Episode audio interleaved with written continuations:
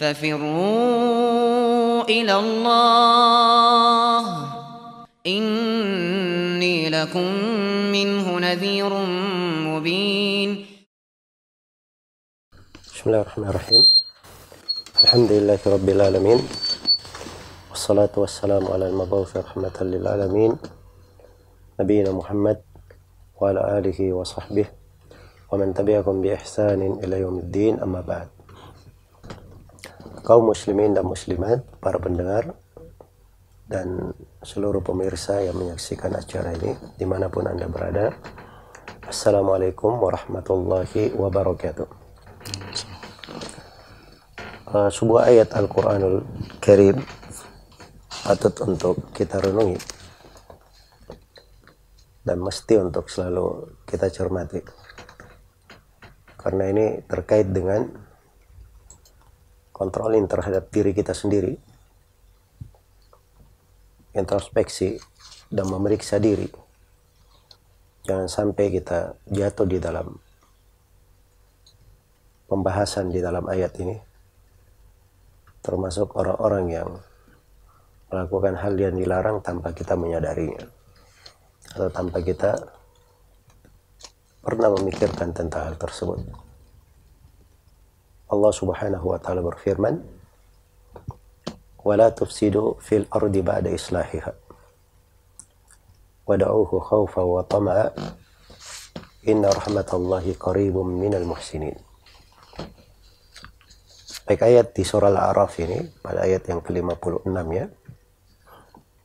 Allah Subhanahu wa taala mengingatkan jangan kalian berbuat kerusakan di atas muka bumi. Setelah Allah memperbaikinya dan selalu kalian berdoa, beribadah pada Allah dengan penuh rasa takut dengan seluruh harapan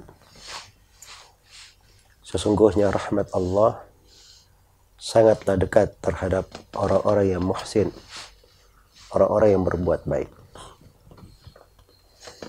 Iya. Ayat ini sebenarnya bagi orang yang mempelajari agama dan mengerti liku-liku pembahasan agama dari seluruh bab pembahasannya. Apakah di bidang fikih, di bidang akidah, di bidang muamalah, di bidang di segala bidang pembahasan dari syariat kita, dia akan mengetahui bahwa ayat ini luas sekali cakupannya dan sangat mendalam sekali. Ketika dikatakan wala tufsidu fil ardi, jangan kalian berbuat kerusakan. Kerusakan itu kalimat al-fasad. Itu kalimat yang luas cakupannya. Masuk di dalamnya perbuatan kesyirikan termasuk kerusakan yang paling besar. Masuk di dalamnya kekufuran. Masuk di dalamnya kemunafikan. Karena itu adanya kesyirikan itu disebut sebagai kerusakan. Sejumlah perbuatan orang kafir itu disebut sebagai kerusakan di dalam Al-Quran. Dan perbuatan kaum munafikin disebut kerusakan. Wa idza qila lahum la tufsidu fil ard qalu innama nahnu muslihun. Apabila dikatakan kepada mereka jangan kalian berbuat kerusakan di atas muka bumi, mereka berkata kami ini justru orang-orang yang mengadakan perbaikan. Itu dari tipu daya kaum munafikin. Sebagaimana perbuatan dosa dan maksiat dengan segala bentuknya itu masuk di dalam perbuatan kerusakan. Masuk di dalam perbuatan kerusakan. Karena itu mencuri kerusakan. Itu dikenal dari umat-umat sebelum kita. Mencuri dalam segala bentuknya. Apakah dalam harta pribadi orang atau harta umum. Makanya ketika Nabi Yusuf menahan saudara-saudaranya dengan tuduhan mereka membawa perhiasan atau mata milik Nabi Yusuf, maka saudara-saudara Nabi Yusuf membela diri dengan berkata, Laqad alimta ma ji'na linufsida fil ardi wa ma kunna sariqin. Kamu sudah tahu bahwa kami ini datang bukan untuk berbuat kerusakan di atas muka bumi. Dan kami bukan para pencuri. Bukan para pencuri. Yang kerusakan yang ada di alam ini, musibah dan petaka, itu sebabnya karena tangan-tangan yang merusak di atas muka bumi. Dhahar al-fasadu fil barri wal bahri bima kasabat aidin nas telah tampak kerusakan di daratan dan di lautan disebabkan karena perbuatan tangan-tangan manusia. Iya. Dosa dan maksiat masuk di dalam perbuatan kerusakan. Karena itu dari ciri Firaun yang gemar membunuh, berbuat kerusakan.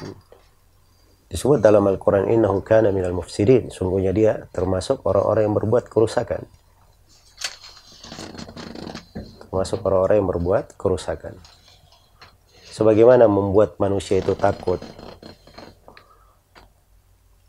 membuat orang-orang di dalam kekhawatiran, atau membuat kejadian-kejadian yang melayangkan jiwa, memutus jalan-jalan, menghilangkan keamanan, itu perbuatan kerusakan.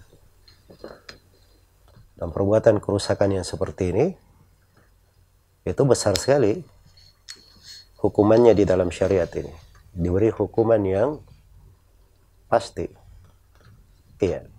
Karena itu orang-orang yang melakukan perbuatan terorisme peledakan pengeboman itu kalau di pengadilan Islam hukumnya cuma satu. Adalah hukuman mati. Karena Allah subhanahu wa ta'ala berfirman إنما جزاء الذين يحاربون الله ورسوله ويسعون في الأرض فسادا أن يقتلوا, أن يقتلوا أو يصلبوا أو تقطع أيديهم وأرجلهم من خلاف أو ينفوا من الأرض Sungguhnya balasan orang-orang yang memerangi Allah dan Rasulnya dan berjalan dengan kerusakan di atas muka bumi. Hukumannya adalah dia dibunuh atau disalib dipotong tangan dan kakinya secara bersilang atau diasingkan dari muka bumi. Iya. Ini hukum tegas di dalam syariat akan hal tersebut. Jadi perbuatan kerusakan itu luas cakupannya. Dan untuk mengetahui luasnya cakupannya, kita juga harus memahami makna yang disebut di dalam ayat ba'da islahiha, setelah bumi itu diperbaiki. Apa maknanya bumi telah diperbaiki oleh Allah?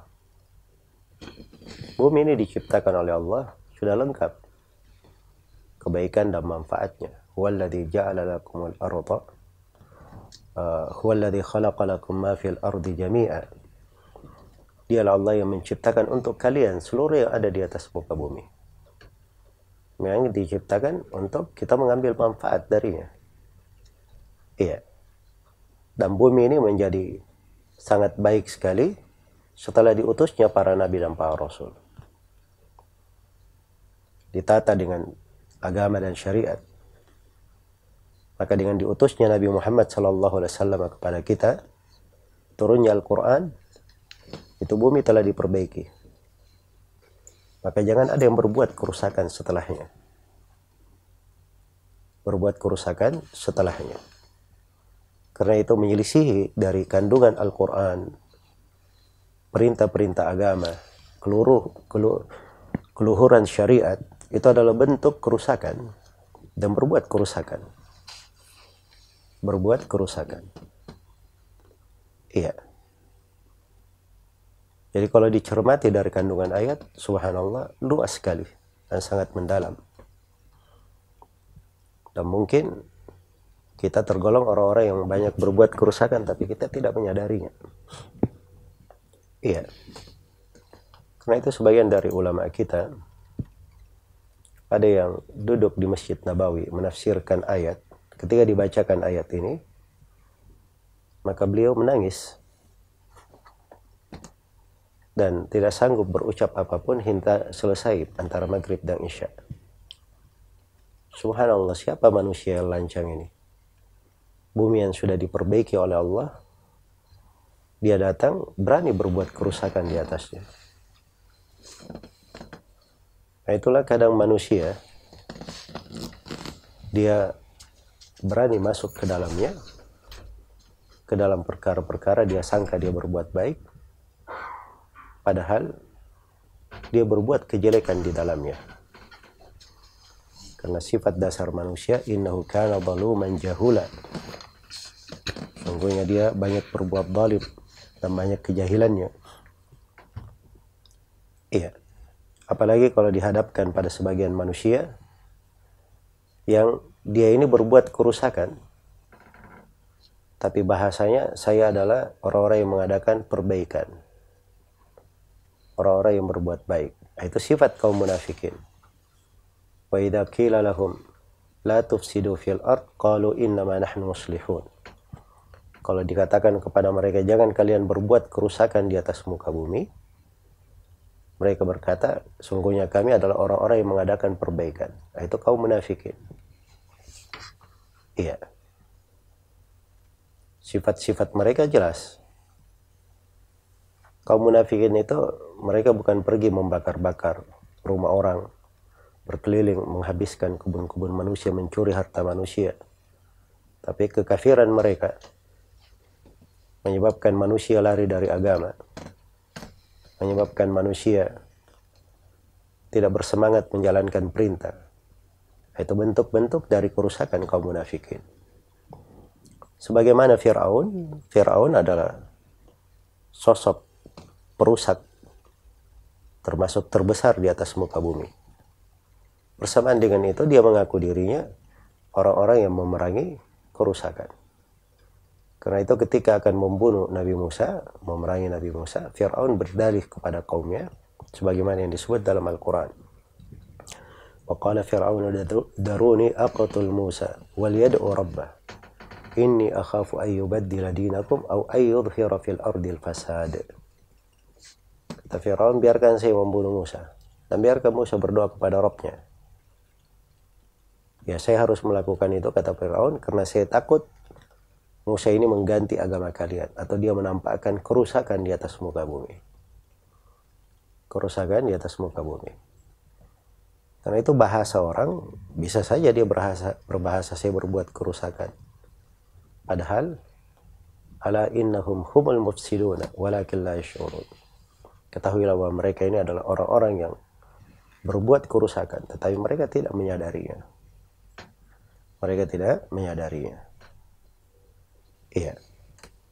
Karena itulah ayat ini harusnya sangat menyentuh hati, menggugah jiwa. Membuat kita khawatir. Jangan sampai kita tergolong orang-orang yang lancang ini banyak berbuat kerusakan dengan menelantarkan perintah menginjak-injak dari apa yang dilarang oleh Allah Subhanahu wa taala mengganggu manusia dengan lisan ataupun dengan tangan dengan fisik dan sekarang banyak orang yang mengganggu manusia dengan lisannya bahkan dengan dua ujung jempolnya mengganggu manusia melukai hati-hati orang dan dia nggak tahu bahwa itu adalah perbuatan kerusakan di atas muka bumi. Masuk di dalam kategori ayat. Wala tufsidu fil ardi ba'da islahiha. Jangan kalian berbuat kerusakan di atas muka bumi setelah diperbaikinya bumi itu. Bergibah. Apalagi dia gibai pemerintah. Penguasa. Iya. Nah itu adalah dosa besar menurut kesepakatan ulama. Tidak ada silam pendapat dalam hal itu. Itu perbuatan kerusakan. So pemerintah itu dia punya wibawa harus dijaga. Karena itu orang yang belajar fikih dalam agama ini, dia akan tahu ada bab namanya menjaga wibawa pemerintah. Nah itu adalah tugas seluruhnya, semua rakyat. Karena itu kalau dia keliru, tidak boleh dibeberkan kekeliruannya di depan umum dinasihati secara pribadi. Karena memang kaidah syariat mengarah ke sana. Itu untuk menjaga kebaikan semuanya. Karena itu tiang pasak pada rumah. Kalau diruntuhkan, maka rumah itu akan runtuh menimpa kita semua. Tapi kalau kita jaga, kita pelihara, maka kita sendiri akan berteduh sejuk di bawahnya. Terhindar dari segala hal yang buruk, dari angin kencang, dari hujan yang deras, dari terik matahari. Kita berteduh di bawahnya, mengambil kebaikan. Itulah kehidupan bersama. Iya, makanya Ramadan ini di dalamnya terdapat berbagai pelajaran yang harusnya membuat pikiran seseorang itu jernih dia pandai melihat hikmah-hikmah. Pandai memperhitungkan akibat dari sebuah ucapan atau akibat dari sebuah perbuatan. Dia mengukur sesuatu itu dengan ukuran yang benar. Kemudian di kelanjutan ayat dikatakan Wada'uhu khawfa wa tama'a dan berdoalah kepada Allah dengan penuh rasa takut dan penuh harapan. Ini dua ibadah, al-khawf wa tama' wa raja' rasa takut dan rasa harapan. Takut kepada siksaan Allah, tapi dia juga berharap apa yang berada di sisi Allah, kebaikan di sisi Allah. Dan seorang mukmin mengumpulkan dua hal ini di dalam dirinya, yaitu cirinya. Dan ini insya Allah Ta'ala akan datang nanti pembahasan yang lebih uh, detail terkait dengan kaidah besar ini. Kemudian di akhir ayat dikatakan inna rahmatallahi qaribum minal muhsinin. Sesungguhnya rahmat Allah sangat dekat kepada orang-orang yang berbuat baik. Muhsin itu adalah orang yang berbuat baik. Orang yang beribadah hanya kepada Allah dan menapaki kehidupan sesuai dengan jalan Rasulullah SAW itu muhsin namanya. Dan muhsin juga kadang dia bermana anta budallah karena kata fainna lam takun tarahu fainahu yarak engkau beribadah kepada Allah seakan-akan engkau melihatnya. Kalau tidak mampu seakan-akan melihatnya. Ketahui bahwa Allah melihatmu. Ada tiga bentuk yang lain dari ihsan yaitu berbuat baik kepada makhluk dia berbuat baik kepada manusia. Karena itu korun yang perusak ini yang merusak dengan hartanya itu telah diingatkan oleh kaumnya. Iya. Wa ahsin kama ahsanallahu ilaik. Dan berbuat baiklah engkau berlaku ihsanlah. Jadilah orang yang muhsin sebagaimana Allah telah berbuat baik kepada engkau sebagaimana Allah telah berbuat baik kepada engkau dan telah diingatkan innallaha la yuhibbul mufsidin. Allah tidak suka kepada orang-orang yang berbuat kerusakan. Maka orang yang berbuat ihsan itu lawan dari orang yang berbuat kerusakan.